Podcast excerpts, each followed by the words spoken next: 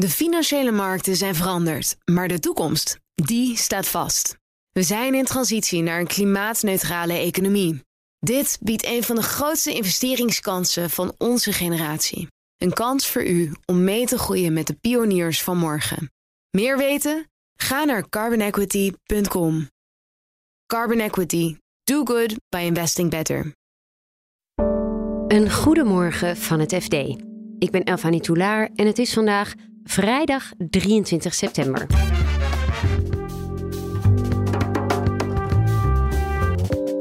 Zorgmedewerkers en apothekers zijn woedend over de voorgenomen bezuinigingen op medicijnen. En die bijeenkomst is uitgelopen op een soort pandemonium. Iedereen die aanwezig was, was tegen. Mensen waren emotioneel, krachtige bewoordingen hun bezwaren naar voren gebracht. Europa volgt met spanning de verkiezingen in Italië dit weekend. Nou, ik denk dat Europa zich wel zorgen moet maken. En vliegen wordt steeds duurder. We hebben natuurlijk lange tijd geleefd met het idee dat je voor vijftientjes naar, eh, naar Nice kon vliegen. Nou, straks wordt dat 100 of 150 euro. Dit is de dagkoers van het FD. Minister Kuipers van Volksgezondheid wil 140 miljoen euro bezuinigen op medicijnen. Het verzet tegen zijn plannen is enorm. Redacteur farmacie Tjeu Vase legt uit waarom bezuinigen toch nodig is. Officieel gaat het om een herziening of een modernisering van een systeem waarmee de overheid probeert de uitgaven van geneesmiddelen te beperken. En bij die modernisering daar is tegelijkertijd een besparing van 140 miljoen ingeboekt op een totale uitgavenpost van 5 miljard. En dat lijkt tot heel veel uh, gedoe en weerzin bij alle partijen eigenlijk in de zorg. En wat zijn hun zorgen? De zorgen zijn dat uh, patiënten of moeten bijbetalen. Bovenop hun eigen risico komt er, komt er een extra post van 200, maximaal 250 euro per jaar. Het zijn veel chronische patiënten die aan de onderkant van de inkomensladder zitten, zal ik maar zeggen. Dus mensen die nu al moeilijk hebben. Om wat voor medicijnen gaat het dan? Cholesterolremmers en dat Het gaat dingen? echt om de medicijnen die miljoenen mensen gebruiken. Dus uh, inderdaad hart- en vaatziektes, diabetes. Hè. Meer dan een miljoen mensen in Nederland heeft diabetes. Um, om Parkinson, om MS, om longziektes, dus astma, COPD. Echt de, de, de medicijnen waarvoor mensen naar de apotheek om de hoek gaan, chronische patiënten. Dit gaat dus niet om de hele dure medicijnen. Dit gaat dus niet om de medicijnen die patiënten in het ziekenhuis krijgen. Medicijnen die tienduizenden euro's per behandeling kosten, tegen kanker bijvoorbeeld. Dit gaat om medicijnen die vaak relatief goedkoop zijn. Hè. Dus een van de mensen in mijn stuk zegt, het zijn uh, geneesmiddelen die kosten gemiddeld 1,25 euro per doosje. Uh, dus de zorgen zijn dat patiënten of moeten bijbetalen, of als ze daarvoor willen vermijden, om wat voor reden dan ook, dat ze moeten overgaan naar andere medicijnen die, uh, waarop, waarvoor ze niet hoeven bij te betalen. En dat zal tot heel veel werk en gedoe leiden natuurlijk bij huisartsen, bij apothekers, apothekersassistenten en ook veel ja, kans toch op ongelukken, zeggen sommige bronnen kans op ongelukken als mensen overstappen op goedkopere alternatieven. Ja, of andere medicijnen die voor hen minder geschikt zijn. Die medicijnen als het gaat om hart- en vaatziekten, die moeten dan opnieuw ingesteld worden. Dat luistert soms nou. Moet je opnieuw naar een trombosedienst om dat in te stellen. Een hoop gedoe en ook met, met, met een hoop uh, ja, toch risico's, zegt bijvoorbeeld de Nederlandse huisartsengenootschap. Ja, deze modernisering zat er al een tijdje aan te komen, maar de weerstand ja. ook. Want ze, ze, hebben geloof ik wel al die partijen op uitnodiging van minister Kuipers zijn ze naar het ministerie gekomen om hierover te praten. Wat ja, wij, wij, wisten natuurlijk al wel lang dat er veel bezwaren was. We hebben er ook al eerder over geschreven. Ook vanuit het bedrijfsleven uh, is, zijn er heel veel bezwaren. Uh, maar ik werd getipt dat er begin september een bijeenkomst is geweest op VWS, waarbij dan gepeld werd uh, wat de gevolgen zullen zijn voor patiënten volgens al deze organisaties die ik noemde. En die bijeenkomst is uitgelopen op een soort pandemonium. Dus daar, iedereen die aanwezig was, was tegen. Mensen waren emotioneel, hebben in krachtige bewoordingen hun bezwaren naar voren gebracht. En naar ik begrijp was er ook helemaal niemand in die zaal die dit hele plan steunde.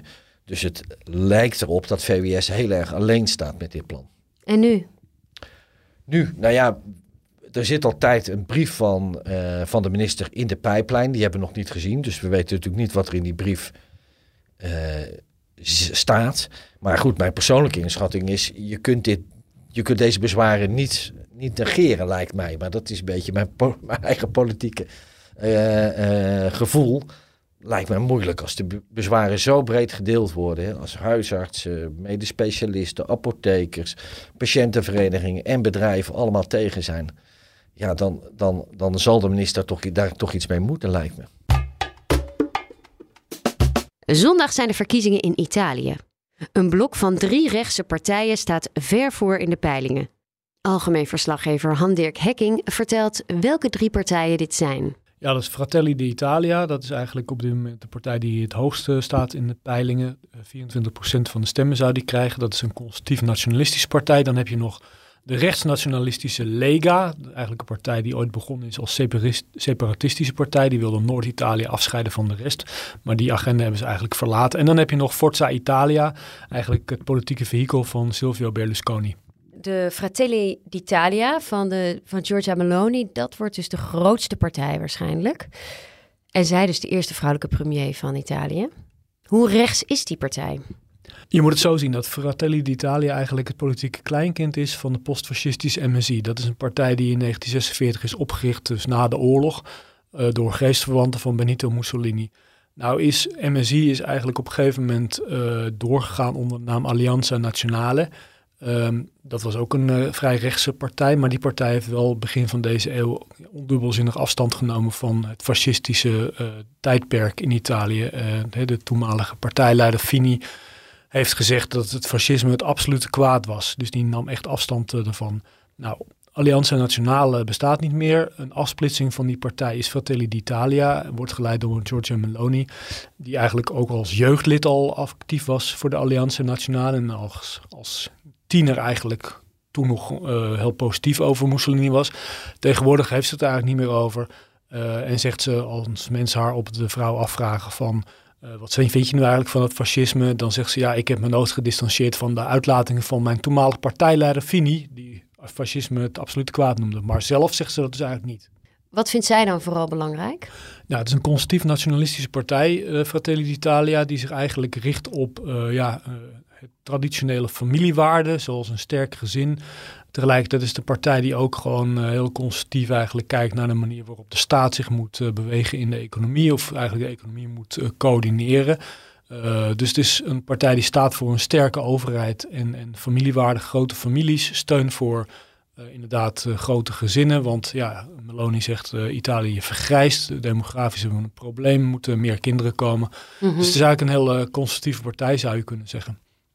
Maar hoeft uh, Europa zich dan geen zorgen te maken om, over deze verkiezingsuitslag? Nou, ik denk dat Europa zich wel zorgen moet maken. Uh, ten eerste omdat die partij uh, samenwerkt met Lega en Forza Italia in een coalitie. Nou is het zo dat die eerste twee partijen, dus Fratelli en Lega, eigenlijk de hele tijd al opereren in een EU-kritische, EU-sceptische hoek zou je kunnen zeggen. Uh, dus die werken in het verleden, hebben ze samengewerkt met mensen die de Europese eenheid niet echt een warm hart toedragen. Zoals bijvoorbeeld Viktor Orban van Hongarije, de premier. En het probleem daarbij is een beetje van, we zitten natuurlijk nu in een tijd van uh, oorlog in de Oekraïne. Dus Europa probeert een beetje de gelederen gesloten te houden als het gaat om sancties jegens Rusland. Op dat vlak kun je eigenlijk nog wel discussie verwachten, omdat Lega zeker, ja, die van oudsher eigenlijk al een beetje tegen Poetin aan proberen te schurken, met name Salvini, de leider ervan. Mm -hmm. En anderzijds uh, Meloni uh, helemaal niet zo heel veel op hebben met uh, heel veel EU-macht. Die zijn erg van de soevereine staat. Er komt ook nog iets anders bij. Hè? Dus de derde wiel aan de wagen van deze coalitie. Forza Italië is veel eurovriendelijker, zou je kunnen zeggen. Die zit werken ook samen met de Europese Christen-Democraten. Die zijn pro-Europa. Die andere twee partijen zijn dat eigenlijk veel, veel minder. De tijd van voor een tientje naar Zuid-Europa vliegen lijkt voorgoed voorbij. Tickets worden veel duurder. Je hoort redacteur Luchtvaart Jan Verbeek over het hoe en waarom van die prijsstijgingen. Nou, wat je ziet is dat momenteel de, de, de tarieven voor de, voor de luchtvaart omhoog gaan. We betalen met z'n allen meer voor, de, voor een vliegreis. Dat heeft een drietal redenen. Eén um, is dat de milieulasten in de prijs terugkomen. Tweede is dat uh, de belasting omhoog gaan. Denk hierbij aan de vliegtax, hè, waar iedereen inmiddels wel mee te maken gehad heeft. En het derde is dat de tarieven van de luchtvaartmaatschappij, sorry, van de luchthaven en ook van de luchtverkeersleiding flink omhoog gaan. Oké, okay, nou laten we daar eventjes uh, doorheen lopen. Ja. Uh, want je zegt ten eerste, die luchtvaartmaatschappijen moeten verduurzamen. Ja. Hoe gaan ze dat doen? De komende jaren ligt er de opdracht om ehm, niet alleen op kerosine te vliegen, maar op uh, biobrandstoffen. Biobrandstoffen zijn veel duurder momenteel dan de, de, traditionele kerosine. Dus um, dat zal betekenen dat het vliegen voor de luchtvaartmaatschappijen duurder wordt. En die prijs zullen ze proberen door te berekenen aan de consument. Uh, een ander punt is ook dat ze vanwege de eisen die Brussel stelt, um, zullen de luchtvaartmaatschappijen moeten verduurzamen. Ook hun vloot zullen ze moeten gaan verduurzamen, vergroenen. En daar zijn ze al volop mee bezig dat er nieuwe toestellen moeten komen, andere toestellen die stiller zijn en die ook minder uh, schade aan het milieu toebrengen. Twee factoren die allebei, naar mijn idee, zullen bijdragen aan een veel hogere ticketprijs op den duur. Dan heb je nog die vliegtax. Die is er nu al, een klein vliegtaxje, die gaat omhoog. Ja. Uh, wat gaat dat schelen? Nou, er is nu een vliegtax die geldt tot 31 december van 8 euro voor een enkele reis. Die gaat per 1 januari gaat die omhoog naar 26 euro. Flinke prijsstijging. Die zal uh, één op één doorberekend worden in de, de verkoopprijzen van de, van de tickets. Daar is veel te, over te doen. De luchtvaartmaatschappijen zeggen van ja, een flinke prijsverhoging. Maar um, krijgen wij daar ook de opbrengst van? De overheid zegt vooralsnog van nee, dat is een, een heffing die wij doen. En misschien dat een deel van de opbrengst naar de luchtvaart zal vloeien om die vergroening, die verduurzaming uh, in gang te zetten of, of, te bevorderen. Ik sprak ook met de voorzitter van de, de reisorganisaties, van de AVR, Frank Oosdam, en die zei van op zich dat reizen duurder gaat worden is, op, is, is ook een logische ontwikkeling. Um, de kosten die vliegen met zich meebrengt, die moeten voor 100% worden doorberekend in de, in de ticketprijzen. Als, zolang dat niet gebeurt, uh, is, is dat een kunstmatige situatie. Het is ook beter voor de sector dat we uiteindelijk meer gaan betalen voor vliegtickets en, en een reëlere prijs betalen. Nou ja, een reële prijs, een eerlijke prijs. Je zegt het derde aspect is, zijn dus de luchthavens ja. die hun prijzen verhogen. Ik denk dan meteen aan uh, Schiphol met beelden van lange rijen, personeelstekort. Wat is daar eerlijk aan? Nou, ik, ik, kan niet zeggen of dat eerlijk is, maar ik, wat ik zie is in ieder geval dat um, Schiphol heeft aangekondigd dat de tarieven voor de luchtvaartmaatschappijen gemiddeld met een procent of tien omhoog zullen gaan. Niet alleen dit jaar, maar ook volgend jaar en het jaar daarop.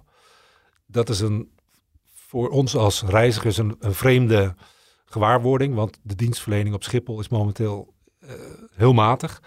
En dat blijft voorlopig ook zo. Dus um, dat, dat is een wat gekke situatie. De, de, tarieven gaan omhoog, maar de dienstverlening loopt terug. Maar zal dit dan ook betekenen dat uh, mensen veel minder gaan vliegen, denk je? De luchtvaartmaatschappij die ik gesproken heb en de luchtvaartexperts die zeggen van niet. We zullen het effect moeten afwachten. Kijk, we hebben natuurlijk lange tijd geleefd met het idee dat je voor vijftientjes naar, eh, naar Nice kon vliegen. Nou, straks wordt dat 100 of 150 euro. Het is de vraag wat het effect daarvan is. Ik vind het moeilijk om daar een voorspelling over te doen, maar ik denk dat het voor sommige groepen uh, minder vanzelfsprekend wordt om met z'n allen het vliegtuig te stappen. Dat, dat kan niet anders zijn.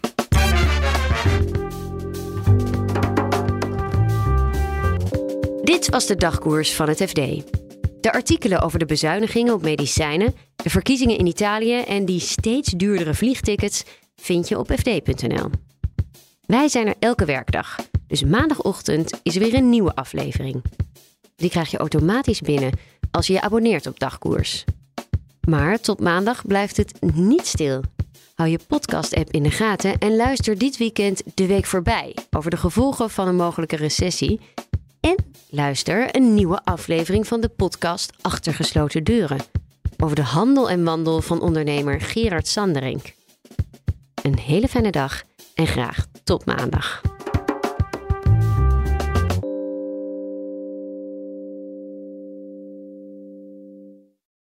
De financiële markten zijn veranderd, maar de toekomst, die staat vast. We zijn in transitie naar een klimaatneutrale economie. Dit biedt een van de grootste investeringskansen van onze generatie. Een kans voor u om mee te groeien met de pioniers van morgen. Meer weten? Ga naar carbonequity.com. Carbon Equity. Do good by investing better.